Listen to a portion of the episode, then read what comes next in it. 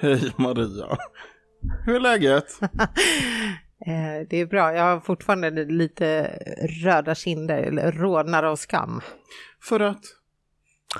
Jo, nu ska du få höra. Mm. På vägen hit.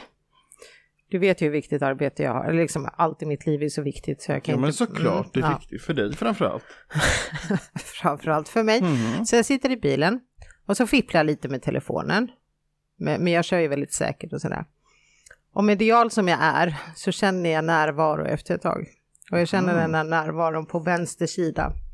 Och när jag tittar lite så är det polismotorcykel. Vad säger du? Jaha. Ja. Och det intressanta i det här igen då, då det är att jag precis sekunden innan tänkte att uh, gud vad skönt att jag för en gång skulle köra rätt lagligt. Mm. Alltså att det var så behaglig eh, hastighet. Mm. Så att ja, är det så här att köra 70 på en 70-väg? Och sen så helt plötsligt ser jag den där sheriffen. Och anledningen varför jag skäms, det var för att jag fick vuxen skäll. Du vet med fingret. Va? Jo, han hittade, för han såg att jag satt med telefonen. Man får inte Ja, nej man får inte göra Nej, man det får inte ju. göra så här. Jag är väldigt tungt kriminell. Så, du vet, han gör det här med fingret, det är inte så poddvänligt att visa, men han, så här gjorde han. Du vet, vifta med fingret. Och jag blev så här paralyserad först. Mm. Så jag bara, ska jag låtsas som ingenting? bara fortsätta. Men jag lägger ifrån mig telefonen och jag vet inte om jag gjorde saken bättre genom att typ släppa ratten och du vet så här vinka typ så här. vet så här, looky looky no, ingenting i händerna. Lite så. Ehm, men eh, jag fick lite adrenalin, men sen gasade Men han bara. stoppade Nej, inte han dig gjorde inte så, nej? det. Så jag har precis sparat 1 och 5. Men du vet, ska de stoppa alla som sitter med mobil då skulle de ju inte kunna åka någonstans. Mm. För det är ju rätt många tror jag som gör det. Exakt, så att den här polisen tog rätt beslut. Det är bättre att han jagar någon riktig bov istället. Ja, Mm. ja. vilket drama. Det var, Va? för man får ju puls. Ja, Mm. känner du att du ska gå med i något gäng nu när du har kriminell? Eller är det, är det... Mm. Eller så hoppar jag över till nästa steg, att jag börjar föreläsa i skolor hur man tar sig ur det här tunga. ja, Mm. ja, du har kommit vidare. Ja, exakt. Att Mm. det finns en lösning, det finns ett, liksom, Det en finns ett värld. hopp. Ja, exakt. Att, det, att man kan faktiskt vara lycklig utan att ja, hålla till med i kriminella gäng. Mm, starkt. Men, det, ja, ja, men det var en jävla upplevelse. Men, för jag hade ju tänkt bara häromdagen att jag skulle börja skriva upp eh, belopp som jag sparar varje dag. Mm. Eh, till exempel i det här fallet, nu måste jag kolla upp hur mycket böterna hade varit på. Ja, Så ska jag se hur mycket jag sparade idag. mhm, vilken grej. Ja, men det var en smart idé. Ja, på, Det kan man ju ja. göra med allting då egentligen. Alltså som man... Ja, men du kan inte tänka så att ah, nu tänkte jag köpa en handväska för 17 och ett halvt tusen. Och Ja, så kostar den bara 15, då har jag ju sparat. Ja, jag tror inte de väskorna har några rabatter. Men det jag menar på att du kan inte i sinnet tänka att jag tänkte ju köpa en väska för 17 och ett halvt och så Nej. gjorde inte jag det så har jag sparat 17. Ja, så, just okej, det. Utan det måste vara så här vardagliga, till exempel att jag bjuder dig på lunch idag Pelle. Mm. Då har du ju sparat 120 spänn, så kan du skriva upp det. Smart. Så kan man ju se hur mycket livet egentligen ger oss gratis. Ja. Ja, fantastiskt många bra idéer där. Det är bara ploppa fram. Ja, jag ser alltså den här gnistan i dina ögon när jag kommer med de här idéerna. Det är, det är synd att folk inte kan se det Ja, men jag lystrar, jag lystrar och suger in som en Mm. svamp. Ja, verkligen. Lagrar. Eh, vad heter Ja, Ja. inget annat som har hänt? Nej. Nej, inget annat speciellt. Nej. Har det Nej, hänt något i ditt liv? Oh, tack att du frågar. Men jag säger som i sången, låt mig växa stilla som ett frö i skogen. Gör mig i det lilla för det stora mogen.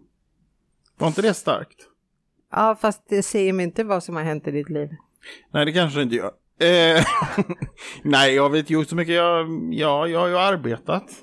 Mm. Arbetat och eh, bidragit till välfärden genom att eh, dra in skattepengar. Vad har jag mer gjort? Jag har eh, igår... Eh, nej, jag vet inte. Alltså, vad gjorde jag igår? Ja, men gud, vi var ju i studion. Vi har varit i min brorsas studio och spelat in den här låten som du, eh, Så, som du eh, har skrivit. Eller ni har skrivit och eh, komponerat. Och, ja. Ja, jag ser med spänning fram emot det färdiga resultat, för jag var inte med i studien så jag vet inte hur det lät. Mm, Nej, just det. Men det, var, det blev, jag tycker det blev jättebra och Robert har en fantastiskt bra röst. Mhm. Särskilt vissa partier sådär med sin heshet och ja, sådär. Det, och sen kanske det finns lite annat också man kan, kan träna på så att säga. Men det tycker jag inte man behöver utan vi tittar uppåt och framåt och ser att där finns det att ta av ändå. Vad det. tänker du då, så här takt, ton, tempo eller vad? Ja, lite i den, i den ordningen. Ja. Nej då, jag bara skojar. Nej, han var jätteduktig. Och jag blev så inspirerad och det var så roligt så att jag kände så här, jag vill också skriva en låt. Så det har jag gjort. Det har du gjort såklart. Såklart jag har. Jaha, okej, vem ska sjunga den där låten då?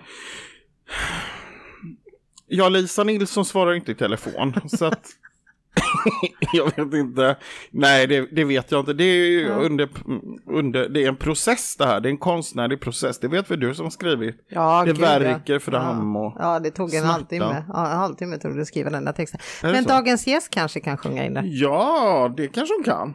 Välkommen hit förresten. Tack så mycket. Har du sångröst? Eh, jag tänkte precis säga det, jag skriver gärna en låt, eh, men jag sjunger den inte. Aha. Så vi får leta vidare. Okej, stryk igen på blocket då. Där. Ja, men vi kanske kan talas vid om texten också. Det. ja.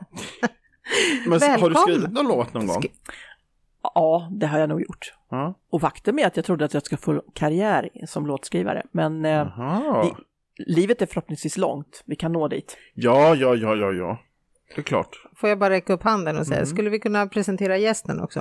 Ja, absolut. Absolut. Här får man presentera sig själv. Ja, Helene Haxner, Ja, och Ja. vi eh, pratar lite kort om det här med ditt efternamn. Haxner, det lär man ju komma ihåg om man ser det fler gånger. Det var väldigt ovanligt. mm, det är mitt, eh, mitt signum att ge ett outplånligt uttryck. Wow! Jag tycker det är coolt. Jag tycker det är ett häftigt namn. Ja, mina föräldrar hittade på det när de gifte sig för att de kunde inte bestämma sig vilket namn de skulle ta. Och eh, ja, men jag gillar det. Mm. Mm. Eh, ja, Pelle och jag, vi är inte så duktiga på att göra så här bakgrundskoll på folk. Eller är du det? Har du kollat upp vem Helene är? Eh, inte just, nej, det kan, nej, vi är rätt dåliga på det, ja. Ja. Och det, det, är, det är nog bra för annars hade inte jag suttit här. Det är så. Nej. Va? Det låter ju kommer- spännande. Har vi två kriminella här i detta rum nu? Eller är det Jag trafikpolisen? börjar känna mig hotad. Va? Hon kanske jobbar hos trafikpolisen. Synd för dig, fick din bot. Attans. Men eh, vad, vad gör du för någonting? Jag jobbar som andlig hypnosterapeut eh, och då tar jag folk till tidigare liv och eh, till andra planeter, till barndomen eh, och så vidare. Alltså vi, det finns ingen, eh, ingen gräns för var, vad vi kan göra i våra resor. Och jag jobbar med något som heter Soul Empowering Hypnosis och jag är ensam i Europa om att göra det. Eh, fantastisk metod. Jag jobbar även med livet mellan liven och vanliga regressioner. Mhm. Men var du ensam i hela Europa? Ja, därför att min mentor som har startat det här, hon bor i USA. Eh, och vi kom i kontakt med varandra för två år sedan och eh, sen så började ju min, min resa. Och jag insåg att jag hade förberett mig för det här hela livet. Så det, när det väl hände så var det väldigt naturligt. Och eh, nästa år kommer jag börja hålla egna kurser i det här. Så. Wow, vad spännande. Så då kan man genom dig bli eh, certifierad inom det här då? Ja, Eller i den här metoden? Ja, precis. Um, den går i tre steg.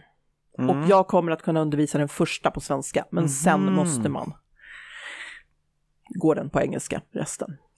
Men vi börjar backa bandet. Eh, var börjar ni resa någonstans? Hur långt tillbaka i tiden går vi?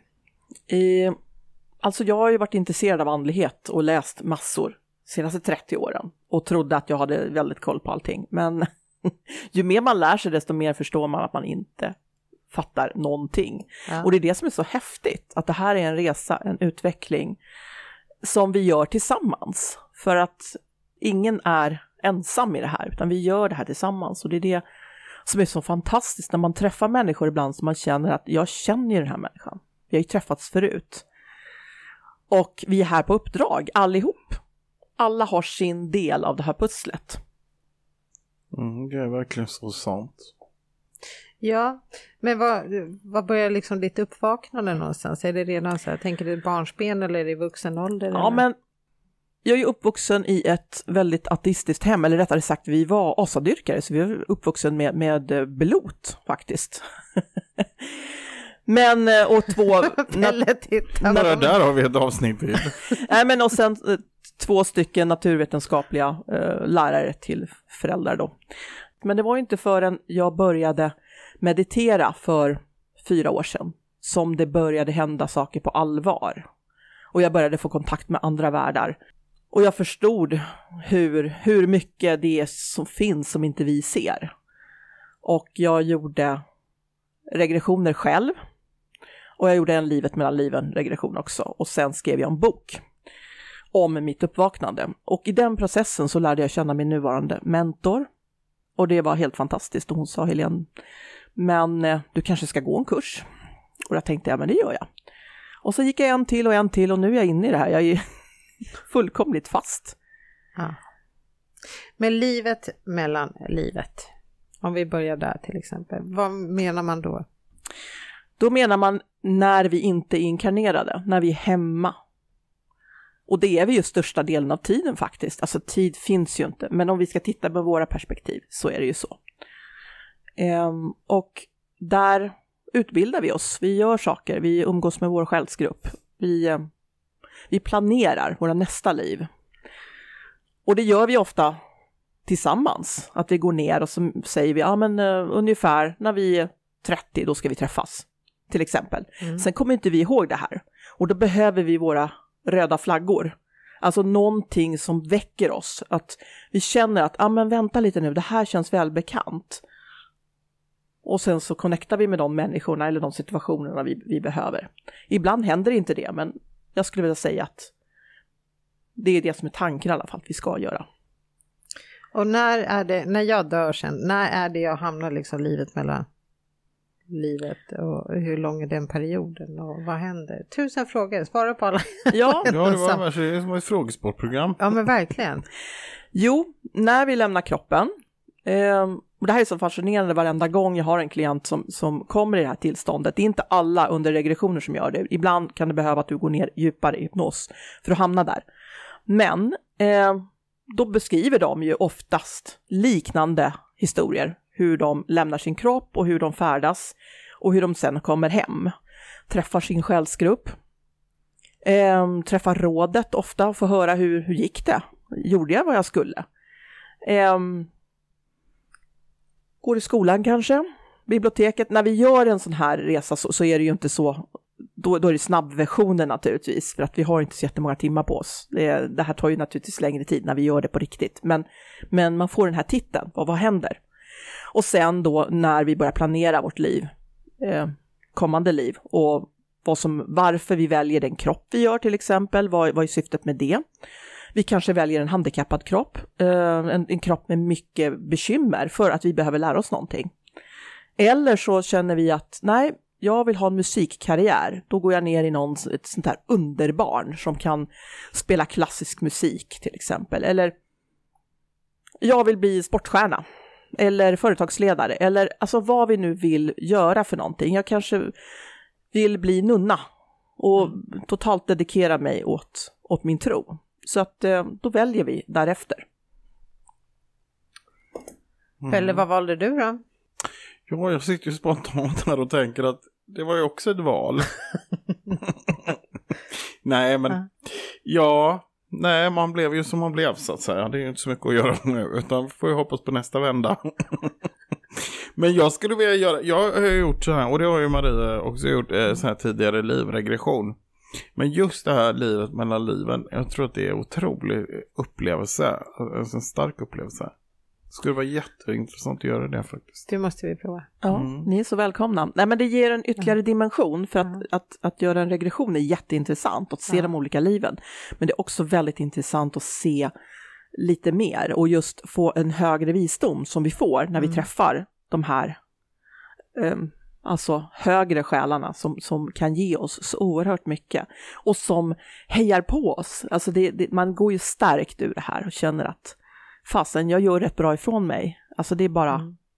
jobba på. Det var ju den känslan vi kände när vi träffade också Anneli Persson när vi fick möjligheten att testa också när hon hämtade den. Ja, fantastiskt. Mm. Vilken upplevelse. Alltså Ja. det är så häftigt. Ja. Eh, Men vad hittar folk dig? Är du duktig på att marknadsföra dig? Jag finns ju, min hemsida det är silverdragonhypnosis.com eller då Instagram. De allra flesta hittar mig på Instagram faktiskt. Ehm, och det är Silverdragon Hypnosis. Mm. Men vilken fantastisk eh, förmån att få, få liksom hitta eh, sin grej, utbilda sig till det och så nu kunna jobba med det. Det är fantastiskt. Ehm, om någon för två och ett halvt år sedan skulle sagt det till mig, vad jag skulle hålla på med idag, att jag skulle jobba med det här, att jag skulle snart bli lärare inom det här, att jag skulle skriva böcker om det här, då hade jag ju trott att den personen skojade med mig. Ja. Men eh, nu känns det fullkomligt självklart att jag gör det. Och jag har ju bara börjat. Det är så oerhört spännande, det är så mycket kvar att upptäcka. Så häftigt. Men om vi tittar där bakåt då, för att vi, vi har ju bara träffat dig i, den här, i det här formatet. Så om vi tittar tillbaka till exempel sex år sedan, hur såg livet ut då? Då hade jag fortfarande kvar min kursgård som jag byggde upp. Eh, Var låg den någonstans? Den låg utanför Eskilstuna. Och eh, B&B och kursgård. Mm. Och sen hade jag en vintagebutik också med smycken. Mm. Som jag drev. Och jag jobbade i princip dygnet runt. Och det var jättekul. Men sen började jag känna, är det här det som är livet? Att det knappt går runt? För att omkostnaderna var så stora och jag var ensam. Jag hade säsongsanställda men det var, det var väldigt tufft alltså. Och jag kände att jag började tappa sugen alltså. Och sen så la jag ner den och eh, då hade min mamma en gård tre kilometer därifrån där jag i princip är uppvuxen. Och då gjorde vi valet att vi sälja den och bara skala ner totalt. Så då flyttade vi ut, så vi bor i varsitt litet hus på en liten, liten gård ute långt ut på landet utanför Nyköping. Och eh, där vi kan ägna oss det, åt det vi är intresserade av, nämligen vår andlighet, skrivande, eh, att filosofera över livet, att komma... Och nu, nu jobbar jag ju mer än jag kanske skulle vilja, men jag gör det på ett sätt med någonting som jag älskar och jag känner att jag hjälper så många människor så att det, det, är, ja, det är verkligen en, en förmån. Mm. Fantastiskt. Alltså det, du lever ju en dröm. Låter ju så. Alltså bor ute på landet, eh, får jobba med det man vill, du kan jobba hemifrån. Mm. Kunna, ja det är fantastiskt. Men fanns det någon sorg i det här med att det här med kursgården inte lirade? Ja men självklart, det var mitt livsverk. Ja. Jag hade lagt ner allt jag ägde på den och jag gick därifrån med två tomma händer. Så att jag har ju aldrig lyckats skrapa ihop en förmögenhet utan varje Mm. företag jag har startat, det har gått bra så. Alltså, Mm. jag har haft kunder och alla har varit nöjda och så, men jag har aldrig kunnat skrapa ihop några pengar. Så det här, men jag tror att det, det, var, det var en test från universum för mig. Och nu har jag ju, jag har inte mycket alltså, fysiska ägodelar, men jag, jag anser att jag lever i paradiset. Mm. Eh, jag rår själv över min tid och mitt liv och allting. Jag har blivit tacksam på ett sätt som jag inte var förut. Mm. Ja, jag köper det där 100 Ja, procent. lätt. Jag fattar precis. Absolut. För vad ska vi med alla prylar till? Det är klart, man vill le- leva bekvämt, det sträcker jag upp handen på. Men eh, jag har inget behov av massa stuff. Nej, jag tror det binder en mycket också. Ja men det gör ju det. Och eh, när jag gjorde mig av med alla fysiska saker, jag, jag hade ju alltså över 600 kvadratmeter med möbler som jag visserligen hade renoverat och fixat själv. Alltså, men det var, det, det var en väldigt stor grej att släppa allt det där och bara gå vidare, bara ta med det absolut mest nödvändiga. Och som sagt var, vi, vi är mer än våra prylar. Och sen det här att att kunna vara tacksam, att, att inte se brist på saker och ting. Mm. Som min själsfrände brukar säga att tacksamhet är det som får kranen att rinna hela tiden. För att då kommer du in i flödet, du får det här. Och det är fantastiskt, testa det, för det funkar. Mm. Mm. Det brukar Ja. jag tänka på ofta faktiskt. Är det ett nytt ord du ska tatuera nu eller? Tacksamhet. Det Ja, får bli på andra armen då. Ja. Tacksamhet. Ja, det är väldigt fint. Nej, men jag, jag brukar faktiskt tänka på det. Att, shit vad jag är lyckligt lottad. Mm. Ett hem som jag tycker om och eh, bra sambo. Mm. Ja, man, man, att hitta Mm. tacksamhet eh, för det man har runt sig, det är the shit som vi brukar säga. Det är the shit. Nej, för jag tror också att man, alla människor skulle nog kunna också rita en liten kurva över, eh, vad ska man säga, värderingar. Om man tittar lite så här, vad var viktigt när jag var 6-7 år gammal, vad ville jag ha då? Vad hände i tonåren, vad var viktigt då? Och sen kommer man upp i 20-25 och sen så tycker jag någonstans att nu börjar det dala lite. Nu börjar man bli nästan lika eh, nöjd som när man var 6-7 år gammal. Så här skitsaker liksom. Mm, visst är det skönt? Ja, att jag har någonstans pikat den här jag ska ha massa saker. För att man, jag har haft förmånen att leva lite så här och undra hur jag ska klara mig till nästa lön till att ja, men jag kan kanske lägga undan några kronor varje månad. Så att jag har ju levt i bägge världarna så jag, jag tycker någonstans att man vet vad man pratar om. Mm. Men eh, just det här, precis som du var inne på, det här med prylar, det, det är väldigt kortvarig lycka. Ja men det är det ju. Ja, och, och fysisk framgång. För att Mm. när jag bodde på Söder och höll på med inom marknadsföring och allt möjligt, event och gud, allt jag höll på med. Eh, då var det här med ett snyggt visitkort, Ja. det. Och eh, karriär och sånt. Nu är det fullkomligt ointressant. Det viktiga är hur jag mår. Absolut. Och jag brände ju ut mig. Jag skulle aldrig kunna komma tillbaka. Jag vill inte komma tillbaka till det. Så att det var ett helt nytt liv som hände. Och en gång när vi pratade om mässor och sånt, det var på Harmoni Expo på den tiden de höll det i på Liljeholmen tror jag. Det var Mm, jättemånga år sedan. Mm. Och då så vet jag faktiskt att det var en, en eh, spå, spådam, får man säga så, Ja. som tittade i min hand och hon tittade och så sa hon det är ett enormt hopp här, ett streck. Alltså det är precis som att du dör fast du fortsätter leva. Och det är klart, alltså jag har gjort ett, jag har dött på ett sätt och återuppstått i, ett helt, ett, ett helt annat format. Eh, och det är jag oerhört tacksam för. Men det har ju varit smärtsamt, det har ju varit en oerhört jobbig resa. Och varenda gång jag gick till ett medium så sa de så här, åh, åh det är så jobbigt, när jag ser det i framtiden, åh det är så jobbigt. Och det var ju inte speciellt kul att höra. Men nu Nej. fattar jag vad de pratar om och nu är jag ju lugn i kroppen, jag har ingen ångest längre, jag har blivit kvitt så mycket. Och hypnosen var ju sista, sista biten för mig. Eh, jag är ju lugn som en filbunke, det är helt fantastiskt. Mm, härligt. Men kan man i, i det här avsnittet fråga så här, vilken planet kommer du ifrån? det var inte en oförskämd fråga. Nej, Nej, absolut inte. Jag tror att jag är från Plejaderna, det är vad jag har fått till mig när Mm. jag, eh, Mm. när jag besöker dem så att säga. Ja. Men jag har ju levt på andra planeter också.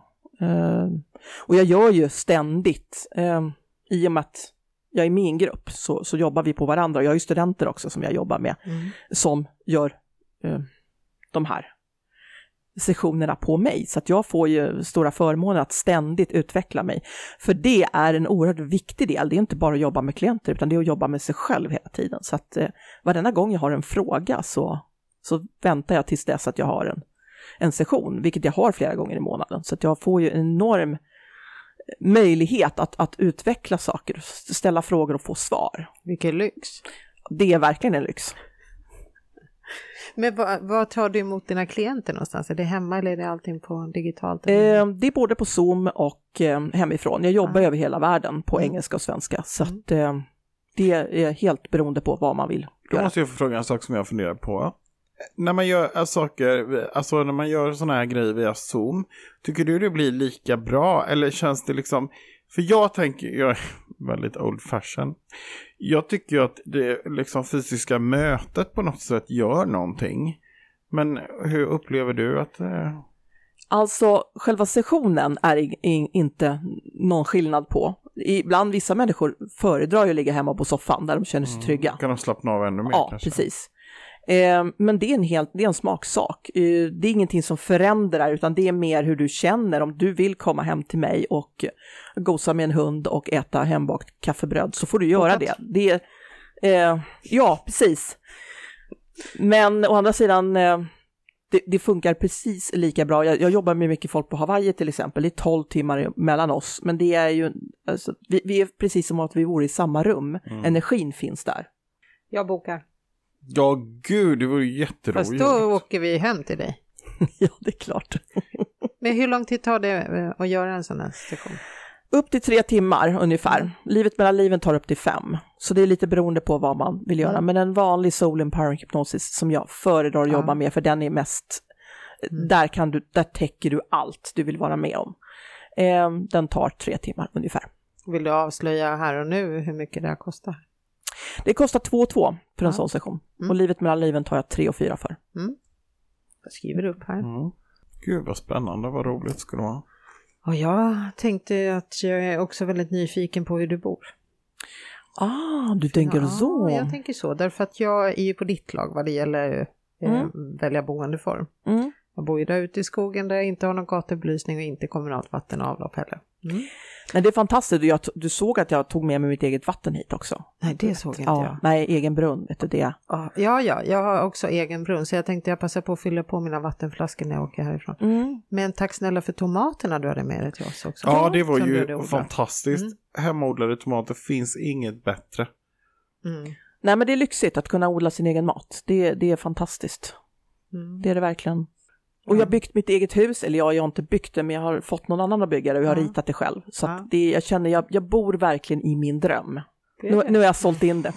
Nu har du sålt den. Nu ska vi åka och titta hur din dröm ser ut. Ja, det måste vi faktiskt göra. Mm. Mm. Hur, apropå det, Ja, det här med ormar nu. ja. Har du fortfarande samma goda relation till ormar? Eh, jag har aldrig, eh, kan jag säga handen på hjärtat, haft en god, eh, stått på god fot med. Men, men jag tycker Mm. att, eh, jag gjorde den här hypnosen så är det ju, det är en väldigt påtaglig skillnad. Det är det. För nu kan vi åka och träffa Helene utan Ja. att vi behöver göra en ny sittning. Ja. Ja, okej. Det kan vi. Jag plockar bara bort ormar också för att jag är så rädd för vår hund. Eh, Så jag brukar faktiskt köra iväg dem Ja, just det. några kilometer. Så att jag, jag, jag rensar kontinuerligt, så det är väldigt liten sannolikhet att du träffar på en orm. Ja.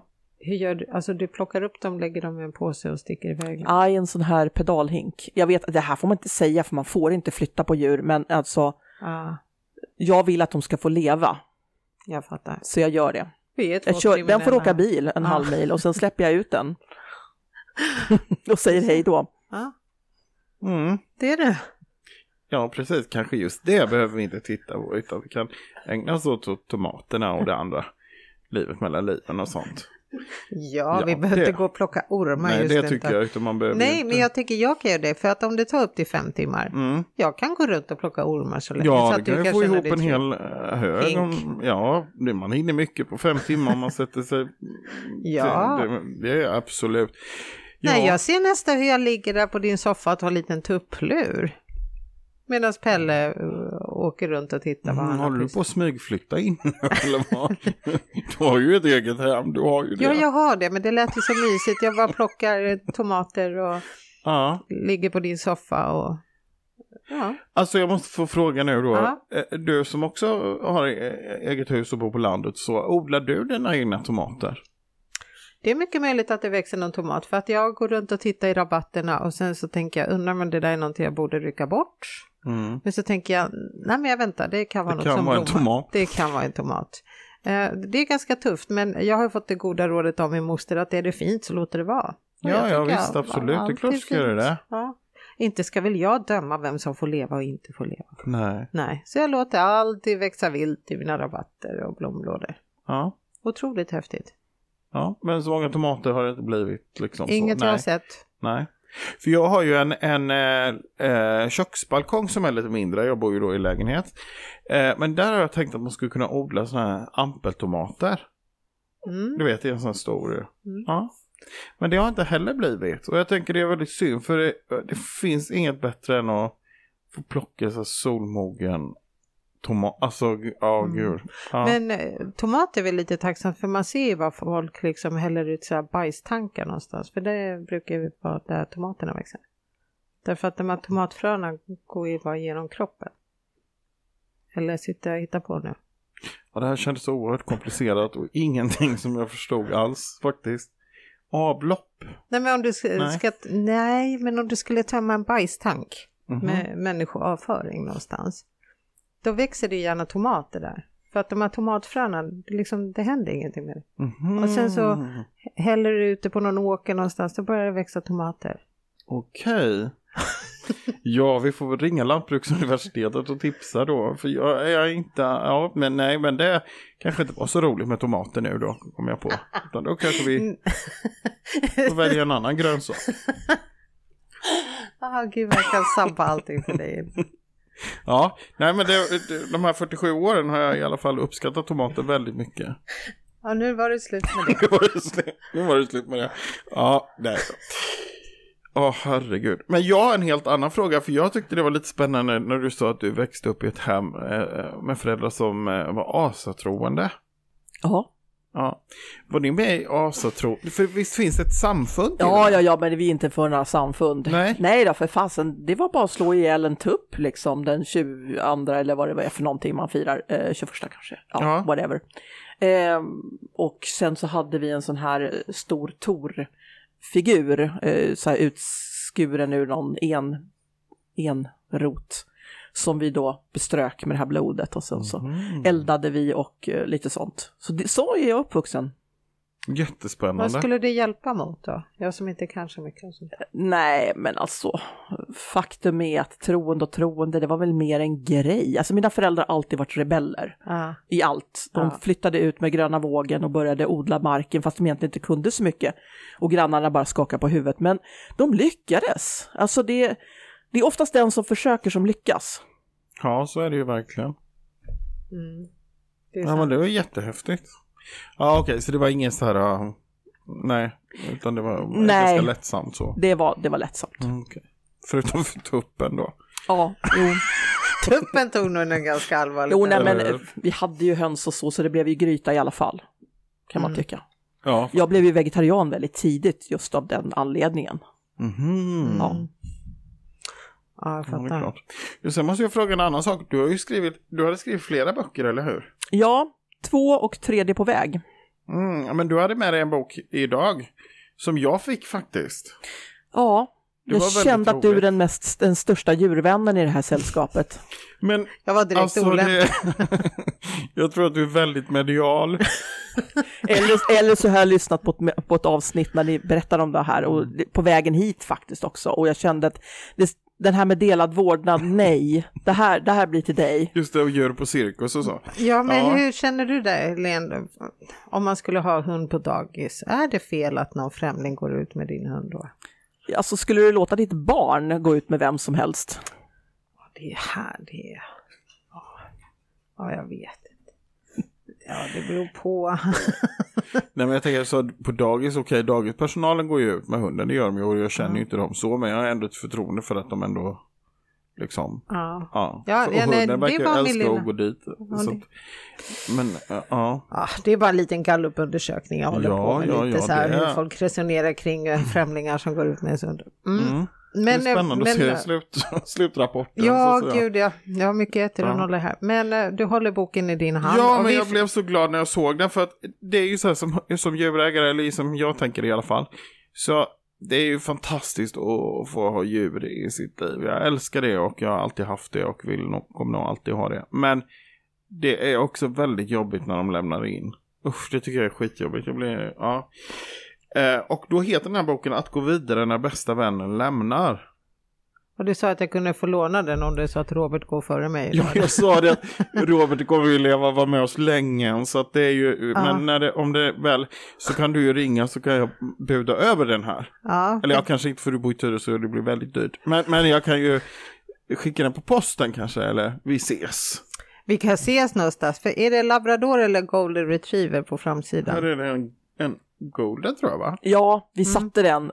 Det var en random hund alltså. eh, För jag kände så här att min hund som gick bort då för exakt fem månader sedan, Mm. det var en pitbullblandis och sådana, folk är ju så rädda för dem så att vi tänkte att vi, vi sockrar lite grann med en sån här mainstream-hund istället. Mm. Ja, den är väldigt familjevänlig.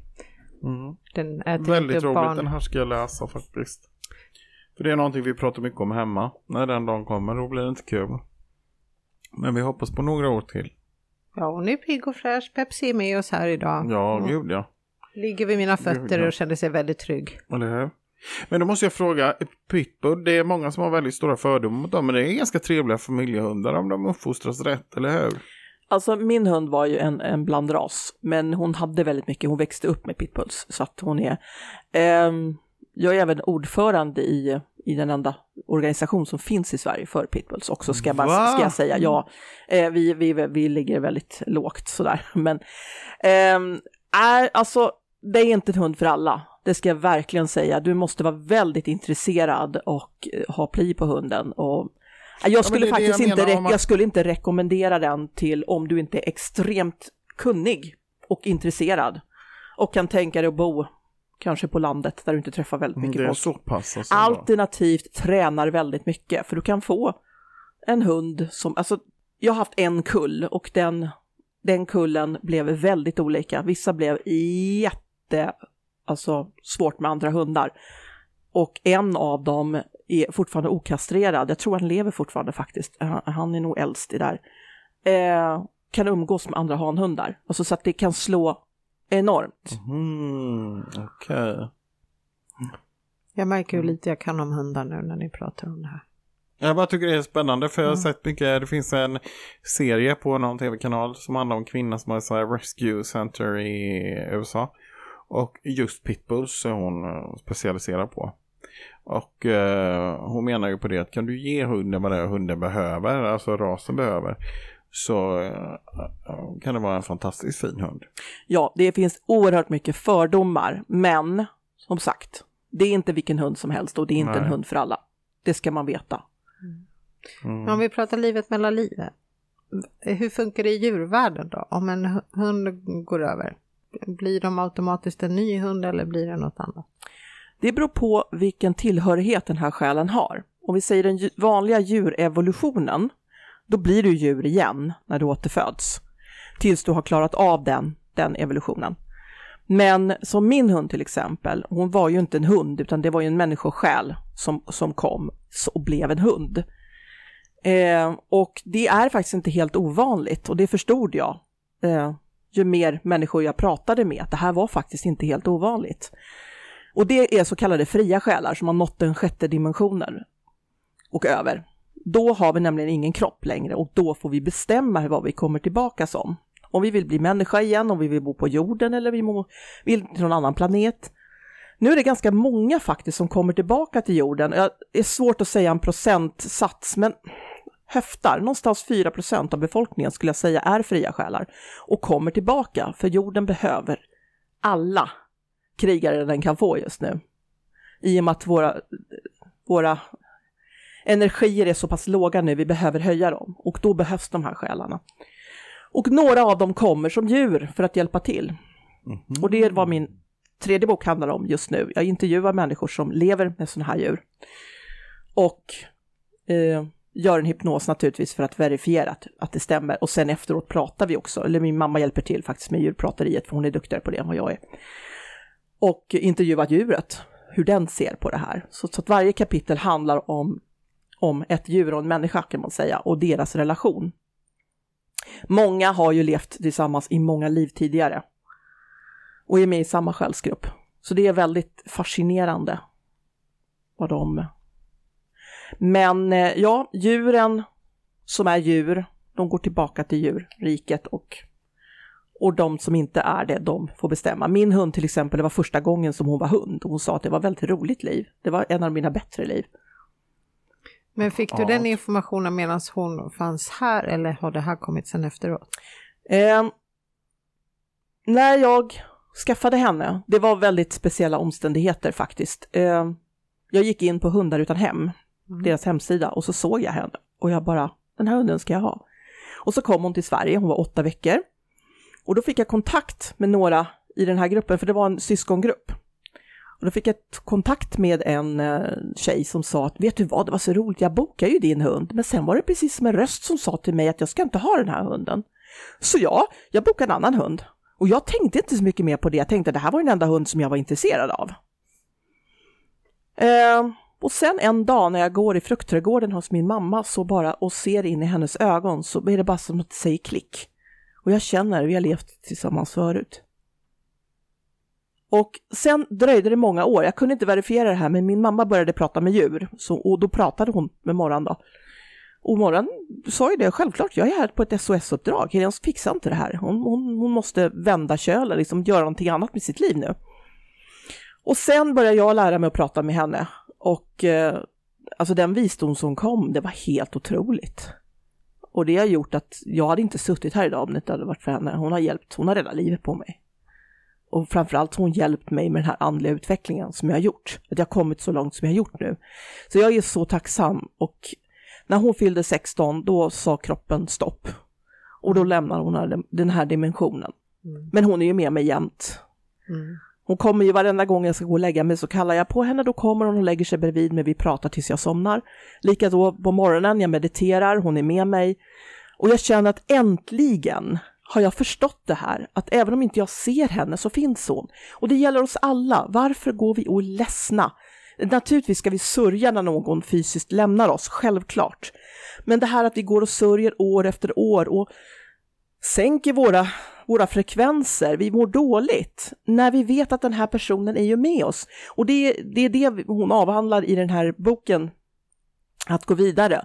Hon berättar, hur är det att vara på andra sidan? Hur, hur, hur ser de på oss? Hon säger att det finns ingen som saknar jorden, även om vi lämnar de, våra älskade efter oss, så är det ingen som saknar det här livet. Vi har det så fantastiskt bra. Snälla, sluta sörj. Lev, var glada istället. Vi kommer aldrig att lämna er. Ja, det är väl vårt ego som gör att det blir så sorgsamt. Mm. Jo, men det är väl det. Ja. För jag har i alla fall sagt det till mina barn ganska nyligen, att eh, händer det mig någonting nu, jag är inte så här jättegammal, så är det ingen som behöver sörja för min skull. Det är ingen som ska sitta och älta och tänka allt jag inte fick uppleva.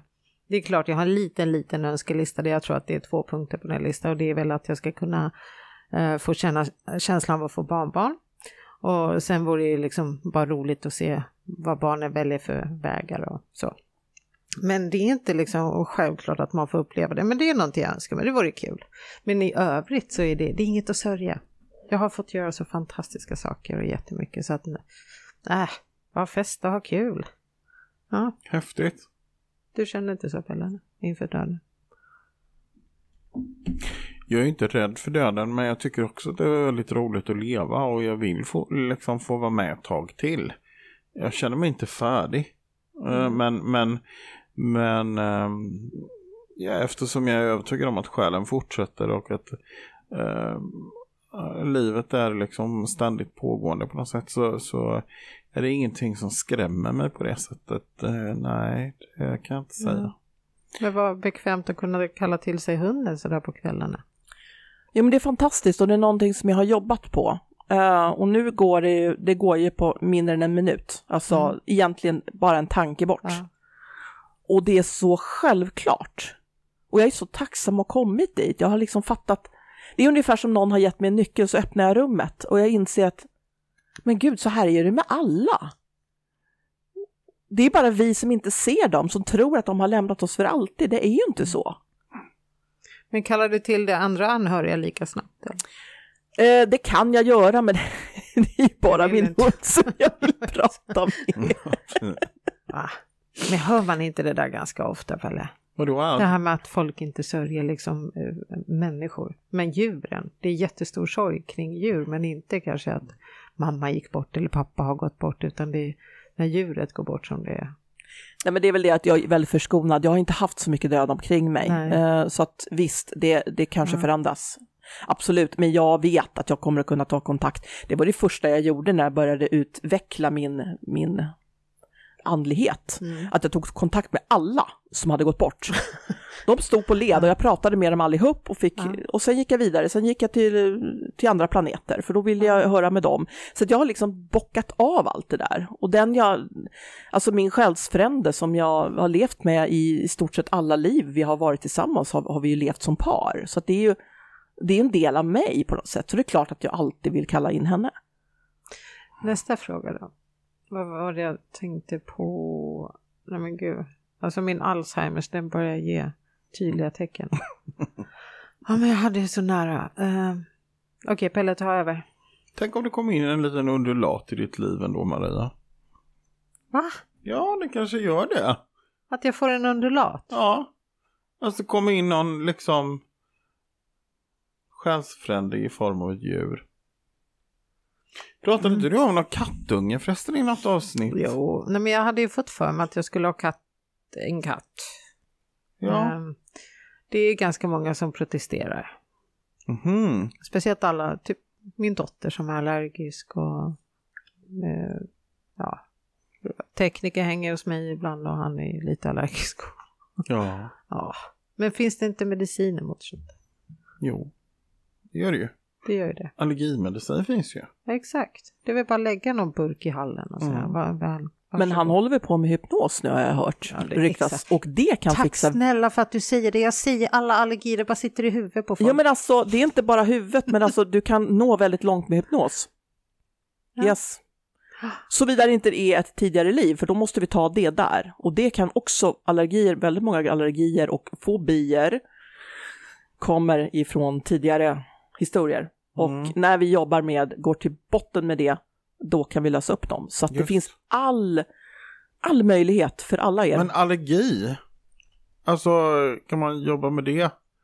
Jag tänker att det var... en- Mm, jag läste en författare, nu ska vi se, hon heter Irene Hickman, tror jag. Och det är en sån här eh, ja, legendar inom hypnosen. Hon var osteopat från början, hon, men hon, eh, alltså, hon var alltså klassiskt skolad läkare. Men hon slutade med det för hon sa, jag kan inte hjälpa mina patienter, utan eh, hon eh, började med andlig hypnos istället och då hon berättade om ett fall hon hade haft med en person som var så extremt kattallergisk så den klarade inte av att komma in i rummet. Men efter några sessioner så försvann den allergin och den hade alltså att göra med ett tidigare liv när hon hade konfronterats och blivit dödad av en stor katt.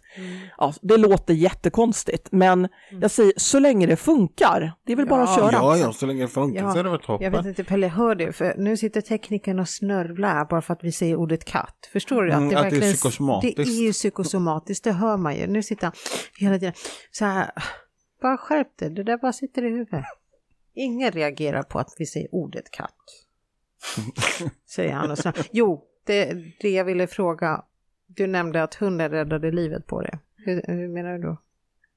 Nej, men jag var inne på en väldigt tråkig, alltså destruktiv bana i mitt liv. Att jag missbrukade i princip allt som gick att missbruka. Jag, jag var inte lycklig. Jag hade mycket stress, mycket prestationsångest, jag hade bränt ut mig. Alltså livet var inte speciellt kul. Men jag, hon hjälpte mig att vända det där och börja, att börja förstå och ta tag i min, min andliga sida. Eh, och idag så, allt det där är borta. Alltså jag mår bra idag. Vad roligt. Mm, fantastiskt. Vi är ju andliga varelser och jag tycker det är rätt intressant för man pratar inte så mycket om andlighet ute i samhället sådär till vardags. Men det är ju faktiskt en viktig aspekt av att vara människa. Sen vad andlighet är, det kan man ju definiera olika men jag tycker man borde prata mer om det och om den andliga hälsan. Alltså det är ju en helhet. Mm. Du är ju kropp och själ. Mm. Och om vi tar bort en av dem, och det är lika så bara att prata om andlighet och inte prata om kroppen, det funkar inte heller, utan vi är en helhet som behöver fungera ihop. Och det kan vi göra om vi når alla dimensionerna av oss själva. Mm, riktigt häftigt faktiskt. Ja, men jag vill ju nu åka till Nyköping. Mm. Ja, men jag, på riktigt alltså, Ja, jag ja, tycker ja, det är absolut. jätteintressant. Ja. Mm. ja, men kan vi inte åka samtidigt? Ja, men det är klart, tre, ja, tre timmar då. Men Nej, men jag kan roa mig i fem timmar. För jag tar för givet att det tar fem timmar för mig, för jag har jättemycket att gå igenom. det är så mycket skit som ska upp till ytan så det kan man gräva i flera dygn. Ja, Eller vadå? jag ska kolla om det finns någon vandrarhem i närheten där vi kan övernatta. Ja, just det. Ja. Går vi i skift. ja, det skulle man kunna göra kanske. Ja. Men vi kanske kan, om vi får med oss Daniel, Mm. för vi har ju fått för oss att vi måste börja filma saker och ting. Ja, det vore ju spännande om man Kan vi får. inte, ja, Ja, absolut. Jättekul. Ja, då måste man ju börja borsta håret. Ja, Okej, men då- ja, då åker vi dit hela gänget och så filmar vi. Ja. Mm. Jättehäftigt, vilken grej. Mm, det gör vi. Eh, vad skulle jag tänka om film? Jo, det fick mig att tänka på att det är mässa snart igen, i oktober. Det är mässa i oktober. Vi Mm. måste beställa nya visitkort. Just, och eh, ja precis.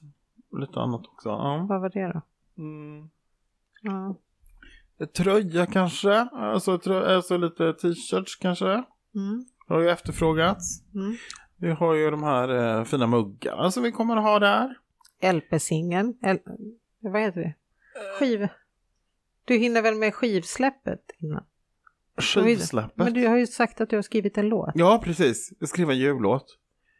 Nej, det har jag inte gjort. Jag har skrivit en låt, ja precis, men jag måste ju ja, hinna... Mm. Jag ska an- prata med min bror om detta. Mm. Jag måste få lite hjälp. Tror du Shirley Clamp skulle vilja sjunga in det? Jag skulle vilja säga ja, men samtidigt så är det någonting inom mig som säger att chansen kanske inte är jättestor att hon skulle göra det. Men, men jag tror att det skulle passa väldigt bra med en kvinnlig röst till den här låten. Men Mm. Helene, märker du nu när jag försöker beställa grejer från universum att jag får ett litet motstånd här? För att det är ingen som tror på mig när jag säger att Shirley Clamp snart kommer ringa och säga tja, ni råkar inte ha någon låt jag ska kunna sjunga in. Ja, precis. Ja, då har vi ju det, så att det var ju jättebra. Ja, men du får inte bromsa universum energi. Vad säger du Helene? Nu är du sakkunnig här. Nej, men släng in det. Ja. Helt klart. Mm. Nu hade jag ju i och för sig önskat i så fall Lisa Nilsson. Så att, eh, och går det lika bra för universum så vore ju det toppen. Men Shirley Clamp, absolut. Hon är ju en fantastisk sångerska. Jag kommer att tänka på henne bara för att jag har en låt med henne idag. Så det var därför. Jaha. Ja, hon är ju skitduktig. Mm. Mm. Vem vet, man kanske själv har den där sångrösten om man bara skulle hypnotisera fram den. Kan du göra det Helene? Vi kan göra ett försök. Det kan vara så, men har inte du varit sångerska eller någon sån här eh, i något tidigare liv? Jo, nu när du nämner det så... För det är rätt intressant att vi faktiskt kan ta fram saker som vi har gjort tidigare. Ehm, Du kan börja prata ett nytt språk till exempel, som du inte... Det var ju så intressant på min tidigare livregression, nu måste jag få säga. Jag ser det för du räcker upp handen. Ja, precis. Jag är så väluppfostrad så jag räcker upp handen. Ja. Ja, det är fantastiskt. Fler borde ta efter det. Ja, då ska vi ha ett annat samhälle. Nu kommer jag in på ett annat spår, nu backar jag. Vad var det vi pratade om? Jo, tala andra språk. Jag gjorde ju en sån här tidigare livhypnos och då eh, var jag i det livet en nunna i Frankrike och eh, då kände jag så här att hela jag ville liksom prata franska. Men jag kan ju inte franska, men det, det liksom var Mm. precis som att det är på väg liksom. Jo, det är rätt fascinerande. Både eh, Michael Newton och Brian Weiss skriver om det här, att de har haft alltså klienter som har kommit in, som har rest långt för att träffa dem. I det här fallet har de båda varit kineser, inte pratat ett ord engelska, de har haft med sin tolk. Och sen har de gått ner i ett tidigare liv där de har levt i USA och börjar prata flytande engelska. Och tolken blir ju helt konfys, så han börjar, börjar alltså översätta tillbaka. Och då säger då terapeuten i båda gångerna att eh, vänta lite nu, du hör att den här personen pratar engelska. Det är ganska intressant. Eh, det kallas för xenoglossi, alltså den här termen. Eh, och det är när man pratar ett främmande språk som man då aldrig har, eller man har inte haft en chans att lära sig i det här livet. Alltså det är så uppenbart att det här inte kommer. Jag har själv haft en sån klient som började prata någon form av fornspråk mitt under, och det var väldigt fascinerande faktiskt. Eh, och jag har ändå hört kollegor då som att man också går tillbaka till sina språk som inte finns längre. Och som plötsligt bara talas flytande. Så att eh, vi har mycket med Wow, oss. häftigt Men om alltså. vi åker dit med intentionen att du tar, plockar fram alla de här drömmarna du har. Ja. Du kommer inte få ett körkort bara för att du går i någon så här tidigare livhypnos att du har haft körkort förr, för det kommer, det kommer inte funka. Nej. Mm. Jag kanske krossade din dröm nu, men så må det vara. Vet du hur mycket pengar jag har lagt på tidigare livregression? Du får få det körkortet. Det kom aldrig. Det kom aldrig, det är helt galet. Så det här funkar ju inte, exakt. Så det går Nej, in det har jag inte. Det, den, den kopplingen gjorde jag kanske inte riktigt själv, utan ja. Jaha, ja, men det var ju dumt att jag satt här och tänkte åt dig. Men jag ville bara hjälpa dig att vi ska åka till eh, och göra den här regressionen med, med intentionen att plocka fram de här gåvorna vi vill ha. Vem Mm. vet, det kanske Ja, finns det vore där. ju coolt. Mm, jag vill ha en sångröst och vad är det mer? Eh, Självdisciplin. Men vadå, vill ha en sångröst? Du har väl en fin sångröst? Nej. Jag tror att du har det. Ja, tack du sjunger ju i kör och allting. Ja, just det är ju det som är poängen, att man sjunger i kö, för då är det ingen som hör hur man sjunger. Jaha, du menar in disguise liksom? Man... Ja, exakt. Nej, men det tror jag. Men jag ska ju fråga din eh, körledare, Ja, som ju för övrigt var ett gäst i vår podd, Jessica Falk. Jessica Falk. Mm. om du kan sjunga, vad tror du hon skulle säga då? Jag tror hon skulle diplomatiskt byta samtalsämne. Ja, det är så alltså. Ja, tror nej, Robert skakar på huvudet här och säger att nej, så är det ju nej, inte. nej. Ja, Men du kan inte ha en sån här voi- voice-over då? Eller, eller, jag menar det finns ju en massa pojkband som inte kan sjunga, det måste ju gå att fixa till. alla känner väl till historien om Milli Vanilli. Ja men jag menar det. Mm. Du menar att jag har utseendet? Ja men, jag, ja, men du har ju the star quality, alltså verkligen. Ja. Ja, men vi måste lösa det, för nu har vi skrivit den där låten, Pelle har en låt på gång, Mm. och ska vi nu göra musikkarriär? Ja. Jag kan också säga att den här låten blev lite spiritualistisk. Den Aha. handlar om eh, själens odödlighet. Så där ja. Hur lång tid tog det att skriva texten då? Först så tog det inte så lång tid, men sen så var jag tvungen att putsa lite på den tänkte jag. Mhm. Mm. Okej. Så att det kanske, ja, mm, en timme eller två. Mm. Jag bara tänker hur snabbt vi kan skramla ihop ett album. Jag behövde en halvtimme på mig, du en timme. Om vi gör fem låtar var så. Mm. Mm. Ja, jag fick en bra motivation.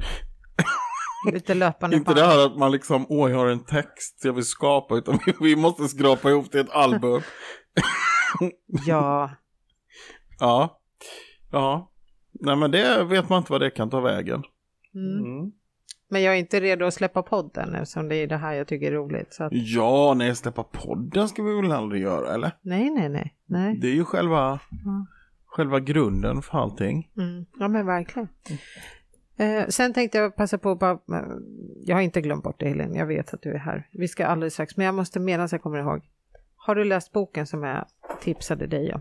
Eh, eh, nej, vet du, jag satt faktiskt och tittade efter det, men jag kommer inte ihåg vad den hette och det var säkert något konstigt namn. Jag var väl väldigt tydlig med det där namnet. Eller så kanske inte jag var. Ah. Den heter Elinor Oliphant mår alldeles utmärkt. Elinor Elephant. Eller något. Något fant på slutet. Var Mår hon en elefant? Nej, Olifant. Olifant, aha. Ja, Mm. Mår alldeles utmärkt heter boken. mår alldeles utmärkt. Mm. Jaha, då kan vi inte, då kan vi inte diskutera den där boken då när du inte så läst det. Nej, det är... Helene, vet du att jag har fått sparken från en bokklubb? Hur gör man då? Man skiter och läser böckerna och kommer bara för matens skull. Ja men det går väl att läsa någon resumé. Ja, men jag försökte, man läste lite baksidan på böckerna, men det... Fan, de är skickliga de här tjejerna, de listar ut det där ganska snabbt. Jag höll inte för någon djupare analys. Man bläddrar liksom lite snabbt. Men det var ju oftast väldigt, väldigt god mat. Som Pelle näm- tidigare nämnt så är jag väldigt matmotiverad. Men det var så tajt, jag tror vi träffas en gång i månaden och hinna läsa en, en hel bok på en månad, det gick ju inte. Men jag satt ju där och gav ett x antal rattmuffar till de här olika, för man skulle betygsätta de här böckerna också. Men sen en vacker dag så sprack i bubblan. Då fick jag det här samtalet att nej, du får nog göra något annat. Men de lade fram det på ett mjukt sätt så jag blev inte sårad. Det- Jag är inte bitter alls. Men det var ju fint. Ja, men de lär ju inte få något mer julkort ifrån mig. Läser du mycket böcker? Lena? Ja, det gör jag. Men eh, nu är det så att jag har så otroligt spännande sessioner så att de tar lite, och eftersom det är här och nu och jag anser ju att vi utvecklas hela tiden. Det som skrevs för 20 år sedan, ja, men det kan vara intressant att läsa, men eh, vi utvecklas och eh, det, det händer nu. Det, det, det, är mycket mer spännande. Så att eh, jag utvecklas mer av att ha mina klienter faktiskt, än att läsa gamla böcker. Så snart kan du ju skriva en bok om alla saker du får uppleva. Ja, absolut, och det gör jag ju hela tiden. Ehm, och sen har jag ju en fantastisk community som jag jobbar med också, som, som vi hela tiden uppdaterar varandra om vad som händer och det är oerhört utvecklande. Men märker du att det är samma saker ni berättar för varandra? Alltså att det finns en röd tråd? Absolut, det gör det. Och eh, det, det verkar som att det kommer i, om man ska säga skov, alltså att det kan vara en period när många är med om liknande saker. Att, och det blir så mycket liknande saker så att till slut så känns det som att det här är universums sätt att försöka berätta någonting. Eh, ja, det är jättefascinerande. Och det blir ju mer och mer tydligt och jag vet ju att jag och några stycken i den här gruppen, vi har levt tillsammans förut och vi har alla fått till oss i hypnos att vi är här på ett uppdrag och det var meningen för oss att träffas nu och jag ser att det är så på många platser ute nu. Jag menar att ni startade en podd ihop, det är ingen tillfällighet. Allt det här kommer, kommer på plats nu och det är det som är så fantastiskt, så låt det bara hända. Mm. Ja. Ja, verkligen. Ja, och vi känner otroligt starkt att det var verkligen en, en anledning att vi träffades på den här festen och att den här utrustningen köptes och att vi satte oss här och började podda av alla fantastiska gäster och allt som har hänt både eh, framför och bakom mickarna. Det har varit eh, otroligt år och vi firar ju nu ett år den 29 september. vi har Mm, precis släppt det häftigt är det. 50 avsnittet. Vi har trots allt som har hänt under det här året så har vi lyckats släppa ett nytt avsnitt varje vecka. Eh, och det tycker jag liksom, det är, Det är jäkligt coolt. Det är ju det. Mm, För faktiskt. eftersom inte vi gör det här i heltid, utan alla drar ju sitt strå till stacken. Eh, Men nu, som jag berättade för dig när vi satt och åt lite snabbt här innan vi drog igång, så nu har vi sagt att vi vill ha en lokal. Och så har vi som sagt en väldigt tydlig bild av eh, vad den här lokalen ska användas till. Så nu sitter vi och bara väntar på leverans. Så att nästa gång du träffar ditt gäng skulle ni kunna kolla lite vart den här lokalen är. Eh, Ja, det vore ju väldigt Ja. tacksamt. Ja, verkligen. Så då får ni jättegärna ha era träffar fysiskt i vår lokal. Pelle är jäkel på att koka kaffe. Mm. Ja, då får vi nog skicka efter biljetter från Hawaii och USA, för det är där de sitter, mitt gäng. Ja, fast de, när de får smaka Pelles kaffe, det kommer vara så värt hela resan. Eller hur? Men hur kommer det sig att det är just Hawaii? För Hawaii är ju ett ställe som är återkommande tycker jag. Mm. Mm, men det är fantastiska energier där. De säger ju det att det är, det är den sista delen av Mu, eller Lemurien, som ligger där. Och ja, det får man ju tro vad man vill om, men det är fantastiska energier och jag älskar människorna där. Alltså det är verkligen wow. Jättemånga som säger det. Hur skulle du vilja beskriva människorna där på Hawaii? Alltså de som jag känner är ju väldigt öppna, andliga, ehm, tänker som jag. Men jag har ju inte Mm. träffat alla. Nej, Såklart. Nej, nej. Mm. Att man ändå förstår varandra på något plan fast man kommer från så olika. Ja, nej, men alltså den gruppen som jag har, jag, och det säger alla som är med också, de har aldrig träffat någon grupp som är så fantastisk. Det finns ingen som helst, eh, vad heter det på svenska, eh, ingen konkurrens. Eh, alla får vara som de är och vi har fantastiska gruppsessioner när vi kopplar upp oss på varandra. Och vi, alltså den ena säger en sak och jag fyller i och sen så fortsätter vi. Det är precis som att vi är en uppkopplad på ett enda nätverk och talar med varandra. Eh, alltså våra själar pratar när vi, när vi är i hypnos. Så, så vi har soul talk, alltså soul chat som vi kallar det. Och det är helt fantastiskt. Det, jag kan inte förklara. Det, det är bara så att alla är ihopkopplade med varandra. Ni går till samma brunn och hämtar kunskaperna. Ja visst. Mm. Mm. Vilken upplevelse, det måste vara jättehäftigt. Men kan man inte bli beroende av att bara få vara i hypnos hela dagarna? Det är det faktiskt. När jag inte har gjort det, jag kanske har gått någon månad, ja, jag vet inte om det har gått så länge faktiskt, men säg att det har gått några veckor, då börjar jag känna att nej men nu, nu skulle jag behöva. Och då, då får jag min fix. Nej, jag är ju med också i en grupp, det är samma, mångt och mycket samma människor, men vi är lite olika konstellationer. Eh, grupphypnos är minst en gång i månaden, eller ibland två. Och då får man det här. Och det är, alltså det är alltid lördagskvällar, så jag är ju Mhm. sen många år tillbaka inte i, ute och festar längre. Jag Nej. dricker inte ens alkohol, jag menar jag har gjort Mm. om mitt liv väldigt mycket. Men Mm. då vet jag vad jag gör på lördagskvällarna och det, det är fantastiskt. Och andra planeter. Jag har ju förut haft standardfrågor som jag slutar med för jag fick ju aldrig något ja-svar på det. Så om du har sett några ufon? Du menar rent fysiskt? Ja. Här? Ja, jag tror att jag har sett någon någon gång. Mm. Men jag är inte så mycket så att jag ser. Jag ser ju inte, jag har ju bott på hemsökta platser och sådär. Ja. Jag ser inte. Men jag, det är för att jag har bett att inte få se. Ja, för jag vill inte bli rädd. Nej. Men jag känner dem ju. Hmm. Ja, jag har gjort likadant. Jag har också bett om att inte egentligen få se. Men jag vet inte, jag tror att man kanske släpper på det där ju tryggare man blir själv. Jag tycker man släpper lite. Ja, men det gör man ju när man liksom, ju mer eh, komfortabel man blir med, med det där så, ja, Mm. det tror jag också. Sen tror jag också så här att i och med att vi håller på att gå, alltså vi, vi höjs hela tiden i vibration, snart kommer vi gå in Mm. I fjärde dimensionen på något sätt och då ser vi, för där finns det ju massa varelser Mm. alltså, och då ser vi, vare sig vi vill eller inte, och då är det bra om man kanske är förberedd så man inte blir rädd. Mm. För det, den fördelen som jag upplevde när vi gjorde den där med äh, Anneli Persson, där när vi hämtade lite själsbitar och grejer. Det är just att man fick ju så himla svart på vitt eh, vad en sanna jag är. Alltså att vad, vad är mina fördelar, vad är mina styrkor och vad är mina svagheter? Och det tycker jag liksom är väldigt användbart till vardags. Så här, i enkla beslut här i livet. Att ska jag göra si eller ska jag göra så? Då är det bara egentligen titta så här svart på vitt så att ja, men det där matchar ju mig bättre. Är det så vi skulle kunna jobba också efter att ha varit hos dig? Ja, alltså du får ju prata direkt med din själ. Du Ja. låter din själ låna dina stämband och det är en ganska häftig upplevelse. Du pratar med dig själv.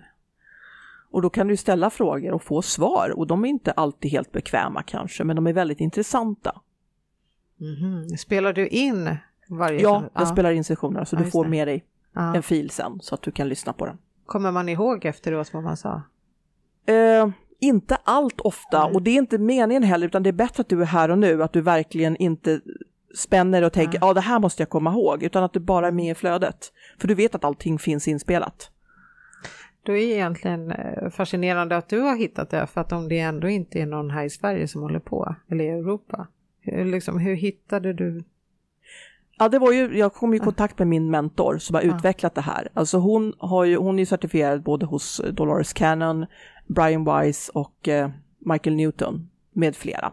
Mm. Och eh, hon har ju haft över, långt över tusen sessioner Ja. med, med klienter. Och då, efter ett tag så börjar man hitta sin egen, det gör ju alla, Ja. oavsett vilk, hur skolad du är, så, så hittar du dina egna. Hon började tycka att äh, men de är ganska dogmatiska och lite, lite föråldrade de här metoderna. Och då hittar hon sin nya, så det här är verkligen cutting edge skulle jag vilja säga. Ja. Jag, jag är helt övertygad om att det här är hypnosens framtid.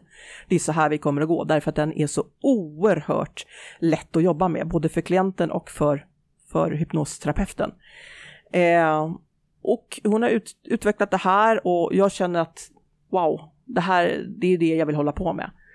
Så nu håller vi på och jobbar med att, att sprida det här. Jag tror att om fem år så är det här en ganska välkänd metod. Mm. Så alla dina tidigare försök att starta företag och göra massa business, det bara går in i, det bara landar illa och sen gör du det här och sen är det helt plötsligt Ja, klockrent. fast det var ju mina guider som sa det, att nu äntligen har du hittat rätt. Är, Ja. Allt du har gjort hittills har förberett dig för det här. Det här är ditt livsuppdrag.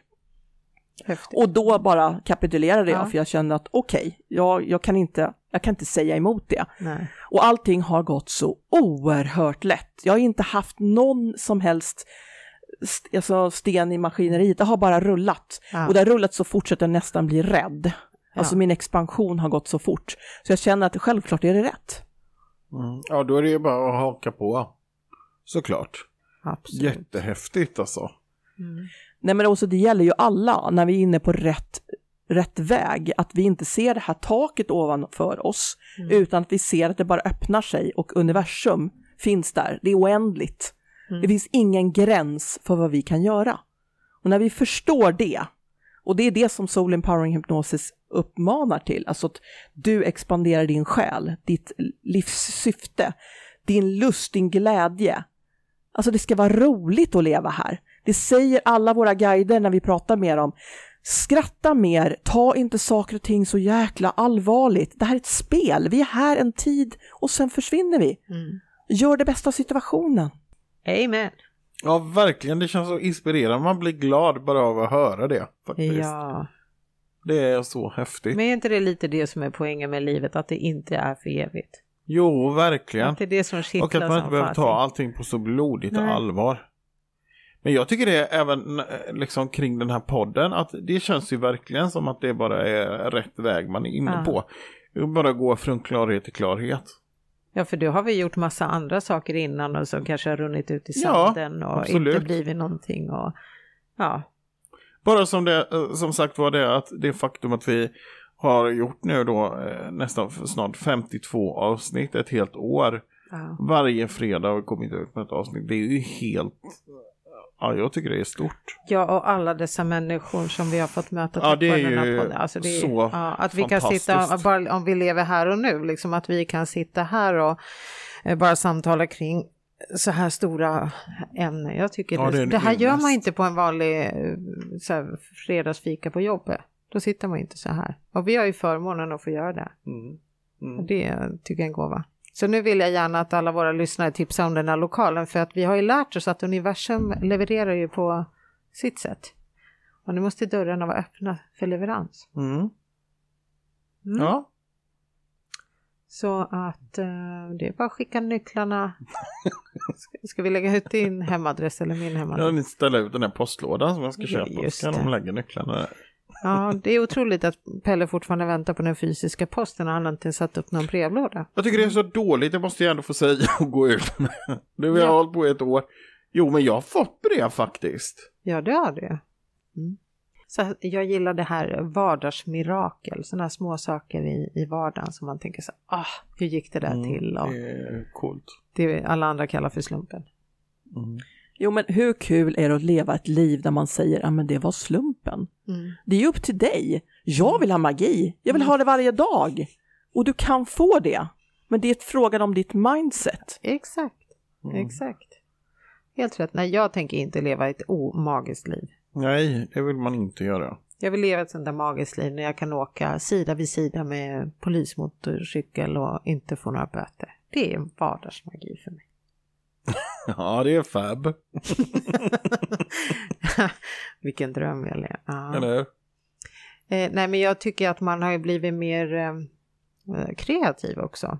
När man öppnar upp det för det här med medialitet och andlighet. Vi hade väl aldrig skrivit en låt annars eller åkt på alla dessa äventyr och försökt bli av med ormfobier. Och... Nej, men livet blir ju större på något sätt kan jag känna. Eller hur? Jaha. Livet blir större. Ja. Ja, det är en bra sammanfattning. Vad säger du om det här med kort då? Gillar du Ja, men det är ju kul. Får jag dra lite kort? Gör så. Oui, oui, oui. Pelle, har du någon eh, grej? Det här programpunkten som du har fått? Mm. Ja, men då kanske jag har det, kom jag på nu. Mm. Ja, men jag har en grej som jag kom på spontant. Då tar vi det nu. Här kommer jingeln. Pelle tipsar och killgissar.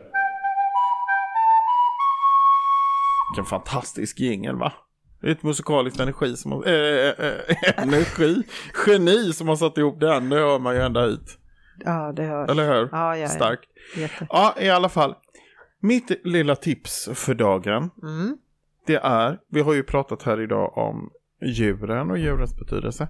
Så jag skulle vilja uppmana dem, eh, våra lyssnare, att eh, umgås lite med djur. För det är en fantastisk källa till lugn och till liksom ett inre välbefinnande. Och har man inte något eget djur så kanske man kan få låna någons som man känner som har ett, ett djur. Inte till. Nej men det är något speciellt med det. Att sitta med en liten eh, hund i knät eller en katt eller Alltså det, det ger en dimension. Eller för all del, alltså min pappa han hade ju köttdjur ett tag. Sådana här Charolines eh. Och bara du vet sitta i hagen där med de här kalvarna. Alltså det är ju det är obetalbart.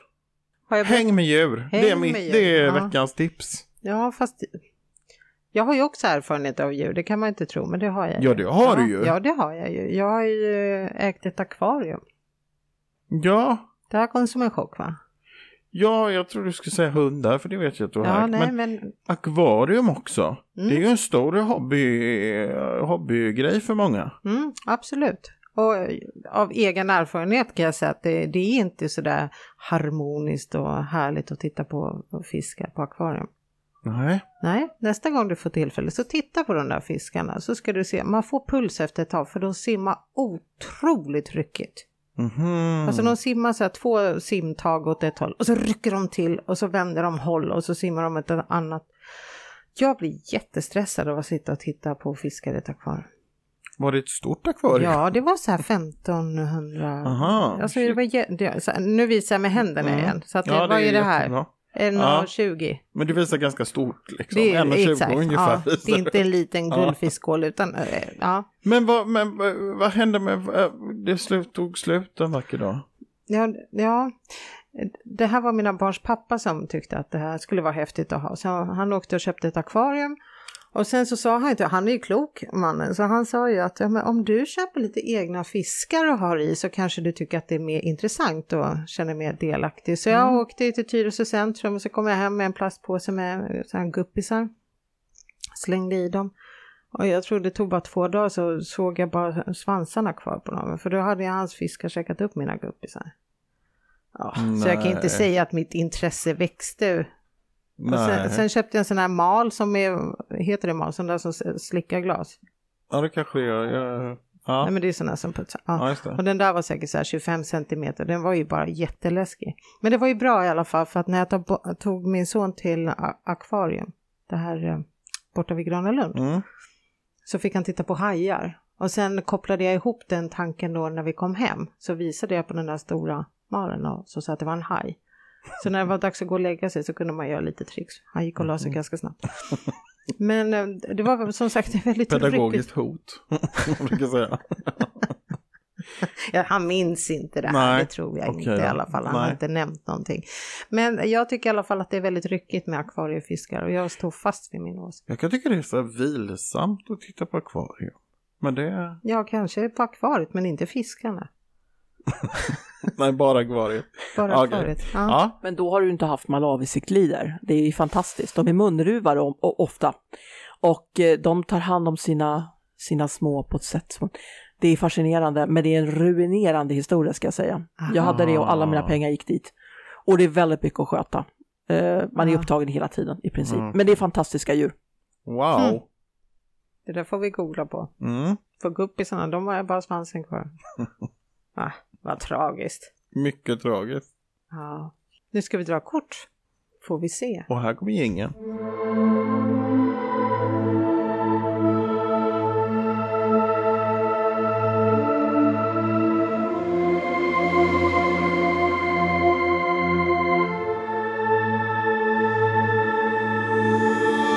Tre kort tack. Danke, danke. Du är så tyst Pelle. Så- Jag tycker det är ett här lite andäktigt, eh, andäktigt eh, inslag. Ja, Ja. jag känner mig lite magisk. Mm. Mm. Ah, Jag, det- här känns ju så olikt mig. Um, och vilja prata, för det känns ju som, nästan som att jag pratar om din hund. Va? Nu är till och med Pelle förvånad. Ja, nu är vi alla förvånade. Det känns som att det här är liksom att det här har med, vad heter hunden? Morran. Morran. Mm. Eh, dels så känns det som att eh, man får ett budskap från morgon att, ehm, att det är verkligen det här som du säger, att jag är lycklig, jag är tillfreds, jag finns här, det finns inget att oroa sig för. Eh, bara som en påminnelse om alla, alla de här fantastiska, glada stunderna som ni hade i det fysiska. Eh, just den här starka, så att men det, du har inget att oroa dig för, så att allt, allt är bra, allt som det ska vara.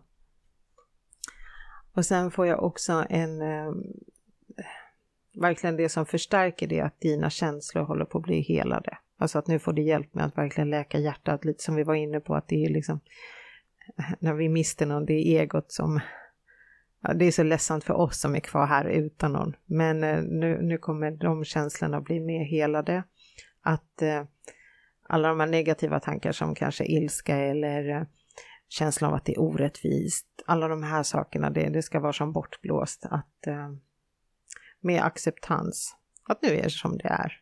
Men eh, morgon har det fin, fint. Och sen eh, har du fått ett kort som handlar om överflöd. Om vi tittar nu framåt i tiden att eh, du kommer att bli omhändertagen och då tänker vi på alla punkterna. Nu vet vi ju också att pengar inte är så viktigt för dig, men alla behöver vi en liten slant för i alla fall. Vattenfall vill ha en liten peng. Eh, så att du ska ha den här tilliten att du är omhändertagen, att det du behöver det kommer du att ha. Och att du inte på något sätt behöver liksom kämpa för det. Utan det de pengarna, de sakerna, de tillgångarna du behöver, det, det kommer till dig. Så det är den tilliten jag ber dig att ha. Det om det. Mm, det är precis vad mina guider säger så att det är bara spot on. Då är vi överens. Mm, bra. Roligt. Ja. Men du, att man känner in djur. Alltså Ja. att det känns så, jag vet inte, jag blir... Det är som en andlig Cesar Milan. Vem? Han som The Dog Whisperer. Varför viskar han? Varför pratar han inte bara ut ordentligt? Brr. Ja, det är konstigt. Det får man... Ja, ja, ja. Vi behöver inte gå djupare in på det, utan det var bara en liknelse. Det är det här som gör att livet ser ut som det gör och hela världen är upside down. För folk ifrågasätter ju ingenting, man bara sväljer allt så här. Hundviskare, men vad fan, viska inte. Prata ut. Jag tror inte han viskar egentligen, utan, utan det är bara så här... Ah, Hans indiannamn eller? Ja, jag vet inte. Vi får kanske intervjua honom i podden vid något tillfälle. Jag vet inte. Ja, Cesar Ja. kan ringa mig då. Mm. Absolut, det gör jag nog. Ha. Det är nog mitt tips till alla idag känner jag nu. Nu kommer det här starkt alltså. Börja ifrågasätta saker och ting. Alltså svälj inte allt ni hör och ser. Nej, det är viktigt. Det är viktigt. Mm, Mycket viktigt. bra. Mm. Nu känns det för första gången i poddens historia så har jag sagt någonting så klokt så att vi alla tre håller med vad jag säger. Det var då för första gången. Du säger ju mycket kloka saker, men det här var extraordinärt. Det är absolut, det kan jag. Mm, tack. Mycket bra. Bra. Till citatboken. Ja. Mm. Helene, vad, är det någonting vi har missat idag? Nej, men alltså det är ett, det är ett ämne, eller ämnen som man kan prata hur länge som helst om. Mm. Ehm, Men vi ska ju fortsätta prata om det när vi kommer till dig. ja, men det är det jag menar. Ja. Fortsätt. Mm, det gör vi. Ja. Samtalet fortsätter. Exakt, men nu har vi fått en hint om i alla fall vad vi ska göra i Nyköping. Very fun. Och så hinner jag förbereda mig och plocka fram alla mina gudomliga gåvor som jag vill ha. Och Mm. bara rota runt och se om de finns där. Mm. Ja. Bra, Ja. då så. Ja, tackar vi för idag. Tack kära lyssnare. Men vad är tog tiden oss. vägen vill jag bara säga. Klockan, är, alltså, klockan bara försvann. Ja, så är det ju. När Inte vi klockan, poddar, den är det bara- är- Mm. Ja, men det Tiden är så. försvann. Man kan hålla på hur länge som helst. Mm. Mm. Det är tur att vi inte betalar hyra för den här lokalen per timme. Eller hur? Ja, Mm. det är bra. Då så gänget, skicka nycklarna till vår nya lokal. Ni kan skicka det hem till mig. Det är bara att googla. Ehm, och vad med? Ja, nej, jag tycker än en gång vi kan säga det. Jag tackar våra kära lyssnare som lyssnar så troget. Eh, det är jäkligt roligt faktiskt. Mm. Och det är ju fritt fram att diskutera tankar efter varje är. avsnitt i den här Facebookgruppen. Man får ju skicka privata meddelanden också. Mm. Och kontaktuppgifter till Helene kommer vi lägga ut både på Instagram och Facebook. Och det här måste vi alla prova på. Ja, det låter faktiskt. jättespännande. Mm. Tack snälla för att du ville komma ja, hit. Stort tack. Tack Ja. för att jag fick komma. Bra fixat. Mm. Tack. Eh, då säger vi tack och adjö. Adjö. Adjö.